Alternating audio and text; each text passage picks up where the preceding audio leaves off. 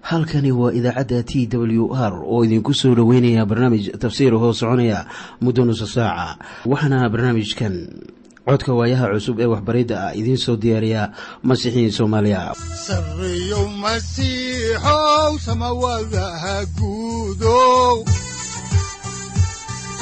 Siraadkii adduunkow subanaha eebow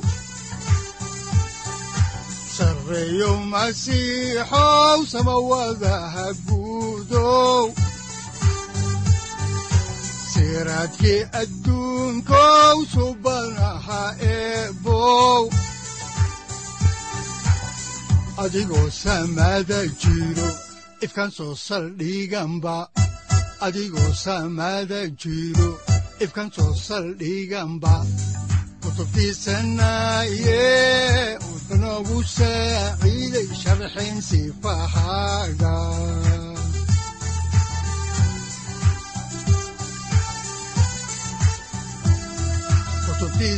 kutubtiisinayow ebanagu saaciid sharxin sifahaaga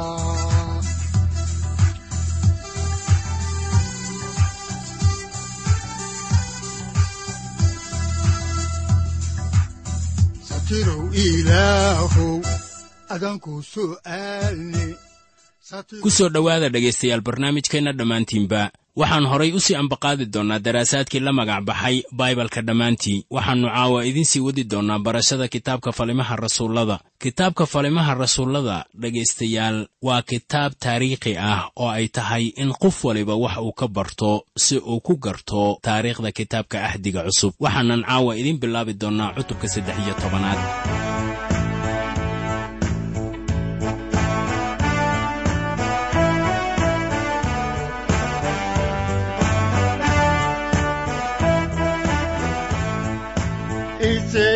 isay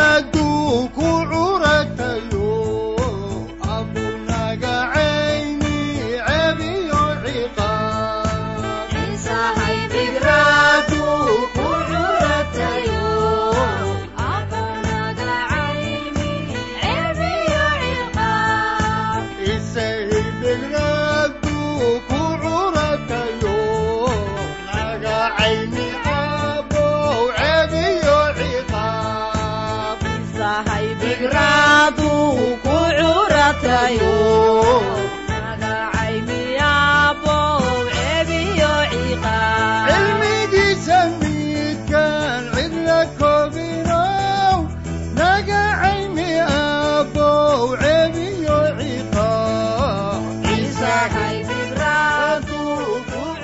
markii noogu dambaysay waxaannu soo gunaanadnay qaybtii labaad ee kitaabka falimaha rasuullada oo quseeyey in hadalka la gaarsiiyo yuhuudiya iyo samaariya iyo nawaaxigeeda. Waxaanan caawa gelaynaa qaybta saddexaad ee ah in injiilku uu u hayaamo dunida meelaha ugu shisheeya si hadalka ku saabsan injiilka loogu wacdiyo qalqiga oo dhan. Cutubka saddex iyo tobanaad iyo weliba kan afar iyo tobanaad wuxuu ku saabsan yahay safarkii adeegii ugu horreeyey ee bawlos marka ay sidaas tahayna waxaannu soo gaarnay qaybta ugu dambaysa ee kitaabka falimaha rasuullada. Waxaanan arkaynaa in sayid ciise masiix uu ku shaqaynayo ruuxa quduuska ah isagoo isticmaalaya ama ka dhex shaqaynaya rasuullada oo wuxuu gaarayaa hadalka dunida daafaheeda waxaad markaasi xusuusan karaysaan aayadda furaha u ah kitaabka falimaha rasuullada inay tahay aayadda siddeedaad ee cutubka koowaad markaasoo ciise masiix uu ku lahaa rasuullada oo markhaatiyaal ayaad iiga noqon doontaan yeruusaalem iyo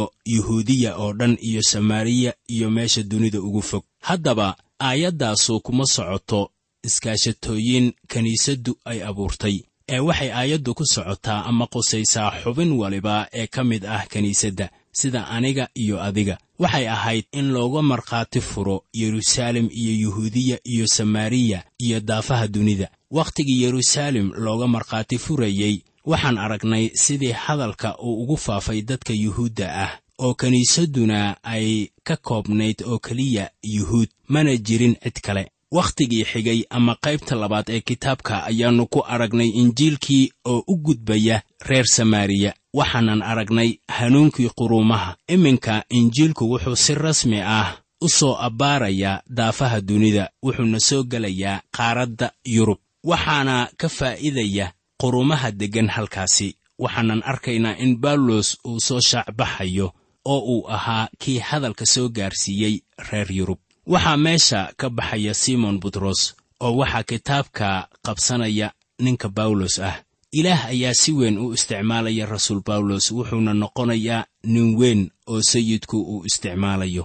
Markaana bawlos wuxuu marka ugu horreeya la safrayaa barnabas waxaanay ku soo hormarayaan jasiiradda qubrus oo ahayd meeshii uu degganaa barnabas waxay ka tallaabeen jasiiradda waxayna ka soo safrayaan bafos iyagoo ku soo jeeda berga oo ka mid ah deegaanka bamfuliya waxaanay dabeeto gelayaan gudaha aasiyada yar oo ah waxa iminka loo yaqaanno tarki ama turkiya. Waxaanay ugu sii gudbayaan waddanka galatiya waxay booqanayaan antiyokh ikoniyam lustra iyo derba. Dabeetana way soo noqonayaan iyagoo sii maraya itaaliya. Waxayna ku soo noqonayaan antiyokh haatanna aynu ku bilowno maaddada ugu horraysa ee ah barnabas iyo bawlos oo laga dirayo antiyokh haddaan markii ugu horraysay idiin akhrino kitaabka falimaha rasuullada cutubka saddex iyo tobanaad aayadaha kow ilaa labo ee baalka laba boqol laba iyo soddon ee axdiga cusub waxaa qoran sida tan.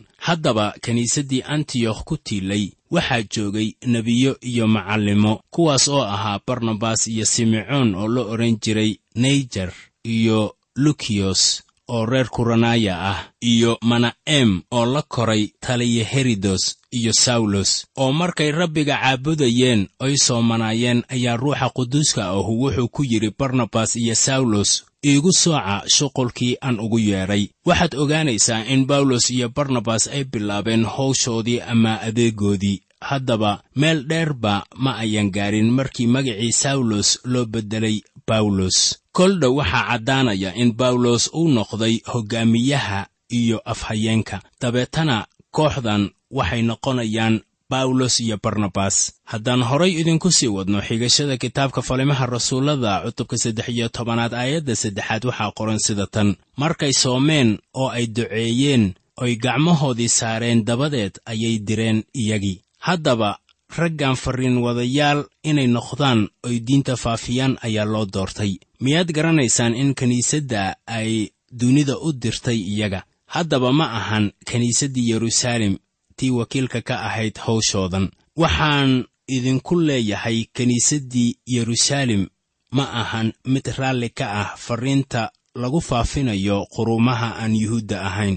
Waxayse ahayd kiniisaddii antiyokh tii doonaysay in hadalka la gaarsiiyo dhulka darafyadiisa oo lala wadaago quruumaha oo dhan. Way u soomeen oo ilaah ayay baryeen si doonista ilaah ay u meel marto waxay gacmaha saareen howlwadeennadii warka gaarsiin lahaa quruumaha markaasay direen. Wixii maalintaasi ka dambeeyey waxay noqotay wax kiniisadda caan ku ah in gacmaha la saaro kuwa safarrada u gelaya inay quruumaha warka wanaagsan la soo wadaagaan. Haddaba gacmasaaristu waxay ka micno tahay in lagu sunto inuu qayb ka yahay kiniisadda markii kiniisaddii antiyokh ay gacmaha saaraysay bawlos ayaa taasu ay ka micno ahayd inay wehel la yihiin bawlos iyo barnabas markay ilaah uga dhex adeegayaan quruumaha iyo weliba dadka yuhuudda ah oo ay hadalka gaarsiinayaan. Waxaanay raggan u dirsanayaan inay iyaga matalaan meel waliba ee ay hadalka ka wacdinayaan. Kiniisaddu waxay ka adeegaysaa gurigooda. Marka bawlos iyo barnabas ay ka adeegayaan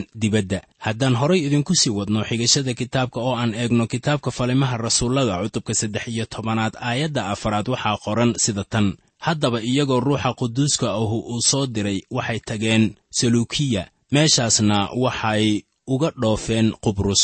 Tan ahmiyadda leh waxa weeye in ruuxa quduuska ahu uu horkacayay markii la diray. Waxay tageen dekedda magaalada saluukiya oo halkaasay ka safreen.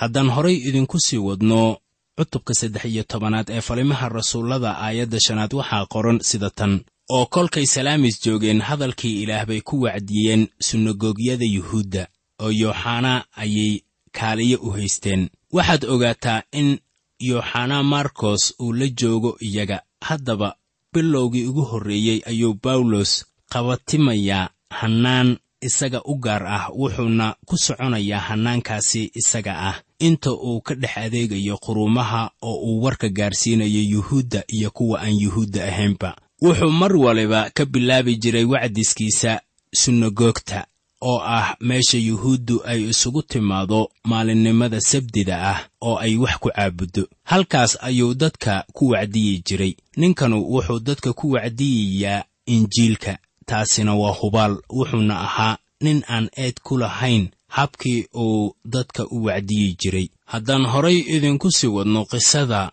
oo aan eegno maaddadan ah mucaaradkii ka dhashay bafos si bal aynu xaalkan isaga ah wax uga ogaanno ayaa waxaa habboon inaan eegno kitaabka falimaha rasuullada cutubka saddex iyo tobanaad aayadda lixaad. Waxaana qoran sida tan oo kolkay gasiiraddii oo dhan dhex mareen ayay waxay yimaadeen bafos taas oo ay kala kulmeen nin saaxir ah oo ahaa nebi been ah oo yuhuudi ah oo magaciisa la odhan jiray barciise waxay haddaba u muuqataa in hawshoodan ayaan ku gaarin dad badan markaasoo ay joogeen salaamis. Waxaan arkaynaa inaan laynoo sheegin hal qof oo hadalkaasi aqbalay. Markaasay u gudbeen qubrus oo ahayd dhanka kale ee jasiiraddaas bafos markii ay yimaadeen ayaa waxaa ka hor yimid mucaarad oo la odhan karo waa shayddaan isagoo u soo maraya sixirowgii la odhan jiray barciise oo magac ku lahaa madaxdii reer rooma iyo guddoomiyaha jasiiradda oo la odhan jiray sergiyos bawlos haddaan horay idinku sii wadno xigashada kitaabka oo aan eegno aayadaha toddoba ilaa siddeed ee cutubka saddex iyo tobanaad ee kitaabka falimaha rasuullada waxaa qoran sida tan. Kaas oo la odhan jiray taliya sergiyos bawlos oo ahaa nin garasho leh. Kaasu markuu u yeedhay barnabas iyo sawlos wuxuu doonayey inuu hadalka ilaah maqlo. Laakiin waxaa iyagii ka hor istaagay saaxirka elumas oo sidaas magaciisa loo fasiri jiray oo wuxuu isku dayey inuu taliyihii ka leexiyo iimaanka. Haddaba waxaa halkan ka soo baxay mucaarididda shayddaanka ninkan wuxuu awood ka haystay guddoomiyaha jasiiraddan haddaba waxa ayaan darra ah inay jiraan hoggaamiyaal badan oo rumaysan awoodaha sixirka faalka iyo xiddigaha waxyaabahaasuna waxay ka soo hor jeedaan hadalladii ilaah waana kuwa injiilka looga soo hor jeedo haddaan horay idinku sii wadno xigashada kitaabka falimaha rasuullada aayadda sagaalaad waxaa qoran sida tan. Laakiin sawlos oo ah bawlos kaasoo ruuxa quduuska ahu uu ka buuxsamay ayaa aad u fiiriyey. Halkan baa haddaba magaciisii lagu beddelay. Maxaase iminka loogu bixiyey bawlos magaca bawlos wuxuu ka micno yahay wax yar. Dadka qaarkood waxay la tahay inuu magacaasi u qaatay ficil is-hoosaysiin ah oo sidaan arkayno ma uusan doonaynin in kol dambeeto loogu yeedho sawlos waxaa kaloo laga yaabaa inuu qaatay magaca ninka gobernatoraha ah ee la odhan jiray sergiyos bawlos oo noqday sidaan arki doonno qofkii koowaad ee wacdiskiisa ku soo hanuuna. Haddaan horay idinku sii wadno xigashada kitaabka falimaha rasuullada cutubka saddex iyo tobanaad aayadda tobanaad waxaa qoran sida tan oo wuxuu ku yidhi kaaga khiyaanada iyo xumaanta oo dhammu ka buuxsantay oo ah wiilka ibliiska iyo cadowga xaqnimada oo dhan miyaanad ka joogsanaynin qalloocinta aad ku qalloocinaysid jidadka toosan oo rabbiga. Bawlos wuxuu ahaa nin qabow laakiin waxaan idinku leeyahay marka looga hor yimaado sida ninkan oo kale nacallad buu dusha uga tuurayaa kuwa isaga la dagaalsan oo dhan wuxuuna garanayaa in mucaarididda ay ka imaanayso shayddaanka waxaanay ila tahay haddii aynu aragno qof sidaas oo kale ah ma ahan inaan ka gambanno ama kale aan ka gaargaarsanno. Weli waxaynu bartamaha kaga jirnaa xigashada kitaabka. Waxaanan eegaynaa kitaabka falimaha rasuullada cutubka saddex iyo tobanaad aayadda kow iyo tobanaad. Waxaana qoran sida tan haddaba bal eeg gacanta rabbiga waa ku saaran tahay oo waad indhabeeli doontaa adigoo aan qorraxda arkayn intii wakhti ah. Kolkaasaa markiiba waxaa ku soo dhacday isagii caryaamo iyo gudcur. Wuuna warwareegay oo doondoonay nin gacanta ku haga. Haddaba ninkan wuxuu horay ugu jiray gudcur kaga yimid dhanka ruuxa laakiin iminka waxaa la geliyey indhala'aan muuqata oo wuxuu noqday cammo haddaan horay idinku sii wadno kitaabka falimaha rasuullada cutubka saddex iyo tobanaad aayadda laba iyo tobanaad waxaa qoran sida tan. Kolkaasaa taliyihii kolkuu arkay wixii dhacay rumaystay isagoo ka yaabsan rabbiga waxbariddiisa. Haddaba waa inaan maanka ku hayno inaan weli la qorin kitaabka axdiga cusub. Markii uu wacdinayo rasuul bawlos waxay ahayd inuu ku wacdiyo awood iyo inuu isticmaalo hadiyadda la siiyey ee mucjisada sababtaas aawadeed ayaa hadalku uu u faafay. Waayo markaan ma haystaan qoraal ay dadka ku wacdiyaan. Haddaba xilligaas markii wacdisku uu soo gebagaboobo oo hadalka ilaah iyo mucjisooyinkaba la qoro ayaa waxaa awooddu ay ku soo wareegaysaa hadallada qoran. Kol dambeetana lagu xirnaan maayo mucjisooyin ama kuwa sameeya mucjisooyinka marka waxaa iminka muhiim ah waxbaridda toosan ee hadalka sida ku qoran warqaddii labaad ee rasuul yooxanaa oo ah hal cutub aayaddeeda tobanaad. Waxaana qoran sida tan haddii nin uu idin yimaado oo uusan cilmigan idiin keenin gurigiinna ha soo gelinina hana salaamina. Haddaan horay idinku sii wado xigashada kitaabka oo aan eego aayadda saddex iyo tobanaad ee cutubka saddex iyo tobanaad waxaa qoran sida tan. Haddaba bawlos iyo kuwii la socday ayaa ka dhoofay bafos oo waxay yimaadeen berga oo bamfuliya ku jirta. Markaasaa yooxanaa uu ka tegay iyagii oo yeruusaalem ku noqday. Ditorlukos si fudud oo aan dhib lahayn buu u qoray laakiin waxaan ogaanaynaa inay jirtay is-afgarawaa ku yimid bawlos iyo yooxanaa markos waxaan kaloo ognahay in yooxanaa markos hooyadii ay xubin muhiim ah ka ahayd kiniisaddii yeruusaalem oo kiniisaddu ay gurigeeda ku kulmi jirtay. Haddaba yooxanaa markos wuxuu arkay dhibka ay leedahay in laga dhex wacdiyo dadka karaahiyaha ah oo aan ilaah aqoonin dhexdooda wuxuuna ka haray howshii wacdiska. Waxaan kol dambe arki doonnaa bawlos oo diidaya in yooxanaa markos uu safar kale u raaco bilxaqiiqa bawlos iyo barnabas xitaa way kala tageen oo laba jiho oo kala duwan bay kala aadeen. Dabeeto bawlos wuxuu qiranayaa inuu ku qaldanaa markii uu diiday in yooxanaa markos uu safarrada wacdiska u raaco. Yooxanaa markos ma ahayn mid ilaah uu dayriyey weli howl buu u hayay ilaah oo wuxuu ahaa qof ilaah horti micno ka leh. Ilaah ma ahan inuu dadka iska dayriyo. Haddii ay qaban waayaan howlaha qaar oo bawlos markii uu ku dhowaa inuu dhinto ayuu weyddiistay yooxanaa markos inuu u yimaado oo wuxuu ku yidhi timoteyos luukos oo keliya ayaa ila jooga. Waxaad ii soo kaxaysaa markos waana yooxanaa markoskan kii qoray injiilka ku magacaaban ee loo yaqaanno injiilka sida markos uu u qoray ama injiilka markos haddaan horay idinku sii wadno xigashada kitaabka oo aan eegno aayadaha afar iyo toban ilaa shan iyo toban ee cutubka saddex iyo tobanaad waxaa qoran sida tan. Laakiin iyagu kolkii ay ka tageen berga waxa ay yimaadeen antiyokh oo bisidiya ku jirta oo maalintii sabtidana sinagoga ayaa ay galeen oo fadhiisteen. Markii sharcigii iyo nebiyadii la akhriyey dabadeed kuwii sinagoga u sarreeyey ayaa cid u soo diray iyaga oo leh walaalayaalow haddaad dadka u haysaan hadal waana ah dhaha haddaba bawlos wuxuu ku soconayaa hannaankiisii ahaa inuu ku hormaro goobaha ay yuhuuddu isugu yimaadaan. Yuhuudduna waxay ku kala fidhiirsanaayeen meel waliba ee ka mid ah boqortooyada reer rooma. Waxaanay ka samaysteen caasimadaha sunagogyo ay ku kulmaan. Haddaba khudbaddii uu halkaasi ka jeediyey waxay ahayd ti ugu macaaniga weyneed sidaan is leeyahay welibana dadka maanta kama fikiraan macaanigeeda. Waa khudbaddii ugu horraysay ee qoran ee bawlos uu jeediyo isagoo ka dhex wacdinaya sunagoogta maalin sabdi ah.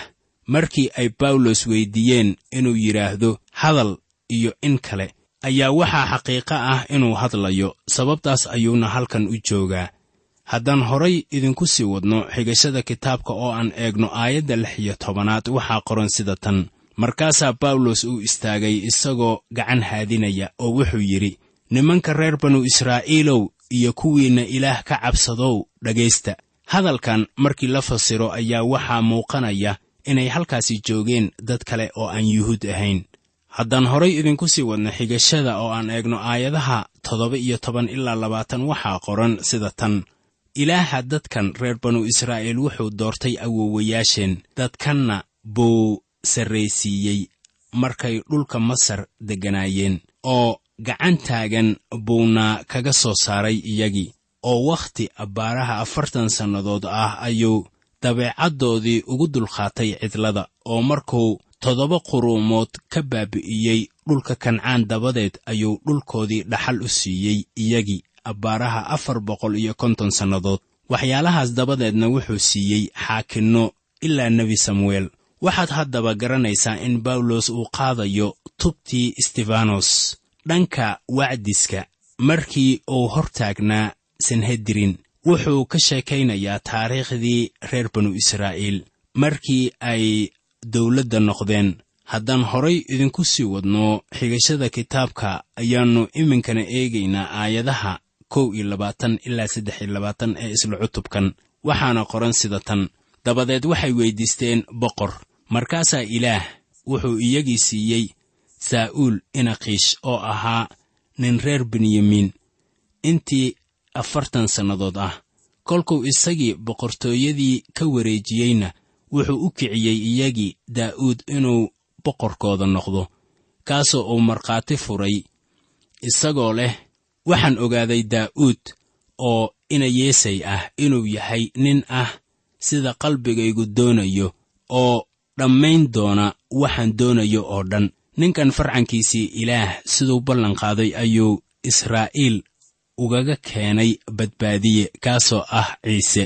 Kadib markii uu taariikhdii u soo koobay ayuu hor dhigay qofka uu noqonayo badbaadiyahaasi haddaan horay idinku sii wadno cutubka saddex iyo tobanaad ee falimaha rasuullada aayadaha afar iyo labaatan ilaa lix iyo labaatan waxaa qoran sida tan. Oo intuusan imaanba yooxanaa wuxuu dadka israa'iil oo dhan hore ugu wacdiyey baabtiiska toobadda oo intii yooxanaa shuqulkiisa uu dhammaynayey wuxuu yidhi yaad u malaynaysaan inaan ahay. Anigu isagii ma ahi laakiin bal eega waxaa iga daba imaanaya mid aanan istaahilin inaan kabaha cagihiisa ka furo. Walaalayaalow idinkoo ah farcankii ibraahim iyo kuwa idinku dhex jira oo ilaah ka cabsadow innaga ayaa laynoo soo diray hadalka badbaadintan. Waxaa laga yaabaa in nimankanu ay maqleen wax ku saabsan yooxanaa baabtiisaha markaana bawlos hoos buu u sii soconayaa oo wuxuu leeyahay sida ku qoran kitaabka falimaha rasuullada aayadaha toddoba iyo labaatan ilaa siddeed iyo labaatan. Waxaana qoran sida tan waayo kuwii yeruusaalem joogay iyo taliyayaashoodii waa garan waayeen isaga iyo codadkii nebiyada oo sabdi walba la akhriyi jiray. Sidaas daraaddeed ayay waxyaalihii dhammeeyeen markay xukumeen isagii oo in kastoo ayaan ka helin sabab lagu dilo ayay waxay bilaatos weyddiisteen in la dilo. Marka bawlos uu u dulmarayo qisada ayuu welibana u sheegayaa in wixii ay sameeyeen ay kaamilayeen waxyiyadii nebiyada. Waxay kaamilayeen hadalladii nebiyada markaas ay madaxdii diintu akhrinayaan hadalka. Waxay akhrinayaan hadalladaas ku qoran qorniinka iyagoo weliba garanaynin waxa ay akhrinayaan. Haddaan horay idinku sii wadno xigashada ayaan idin akhriyaynaa cutubka saddex iyo tobanaad aayadaha sagaal iyo labaatan ilaa kow iyo soddon. Waxaana qoran sida tan. Oo markay dhammeeyeen waxyaalihii laga qoray oo dhan ayay geedkii ka soo dejiyeen oy xabaal geliyeen laakiin ilaah baa ka sara kiciyey kuwii dhintay. Oo maalmo badan waxaa isagii arkay kuwii ka kala yimid galilii ilaa yeruusaalem kuwaasoo hadda ah markhaati furayaashii xagga dadka. Waxaad hadda iyo goorba ogaanaysaa in khudbadaha axdiga cusub mar waliba ay ku sallaysan yihiin dhimashadii iyo sarakiciddii ciise masiix. Taas weeye farriinta sidii simon butrosba dadka uu ku wacdinayey oo bawlosna sarakicidda ayuu iminka ku wacdinayaa waa inaan dadka barnaa wax ku saabsan sarakicidda ciise masiix oo ah danta loo qoray axdiga cusub. Haddaan horay idinku sii wadno xigashada kitaabka oo aan eegno aayadaha laba iyo soddon ilaa saddex iyo soddon waxaa qoran sida tan oo waxaannu idiin keenaynaa war wanaagsan oo ku saabsan ballankii awoowayaasheen loo ballanqaaday oo ah sidii ilaah ballankaasi uu ugu oofiyey carruurteenna markuu ciise sare kiciyey sida ay zabuurka labaadna ugu qoran tahay. Waxaad tahay wiilkayga maantaan ku dhalay.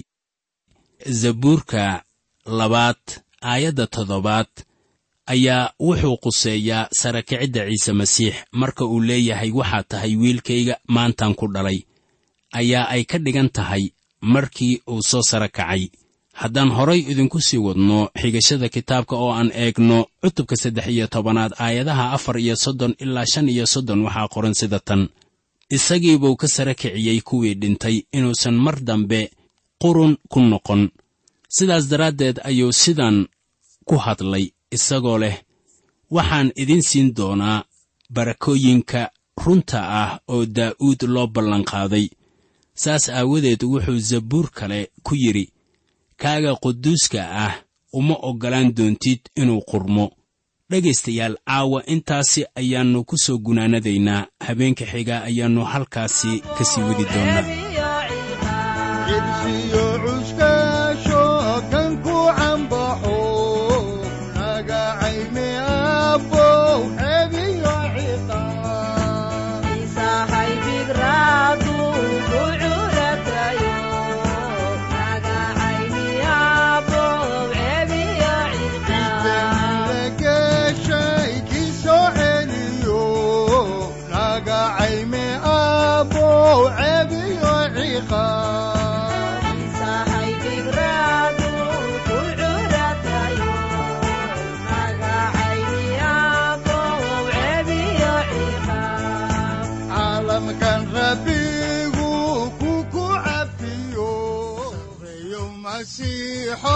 masiixow samawadaha guudow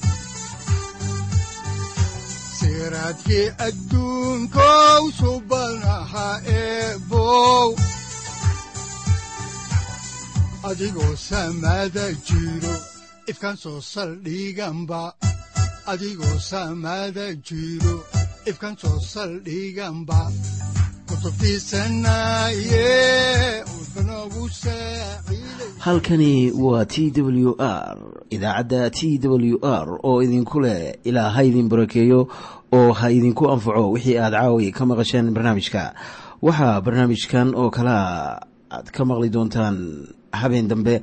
Hadahan oo kale haddiise aad doonaysaan in aad fikirkiina ka dhiibataan wixii aad caawi maqasheen ayaad nagala soo xiriiri kartaan som t w r at t w r c o k e haddii aad doonaysaan in aad dejisataan oo kaydsataan barnaamijka ama aad mar kale dhegaysataan fadlan mar kale booqo www t w r o r g amase www t t b t w r o r g amase waxaad teleefoonkaaga ku kaydsataa ama ku download garaysataa agabyada ku sahli karaa dhegeysiga t w r haddii aad doonayso in laga kaalmeeyo dhinacyada fahamka kitaabka amase aad u baahan tahay duco fadlan fariimahaaga soo mari bogga aaraahda ama kommentska inana jawaab degdeg ah ayaanu ku soo diri doonaa amase ku siin doonaaye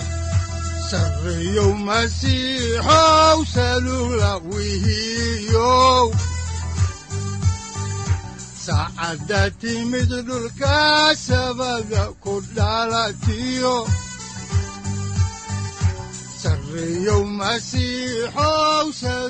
halkani waa t w r oo idiin rajaynaya habeen baraare iyo barwaaqaba leh. Inta aynu ka gaari doono wakhti aynu ku kulanno barnaamij la mida kan caawayay aad maqasheen. Waxa aan idinku leeyahay nabadda ciise masiix ha idinku badato xagga jidhka iyo ruuxaba. Aamiin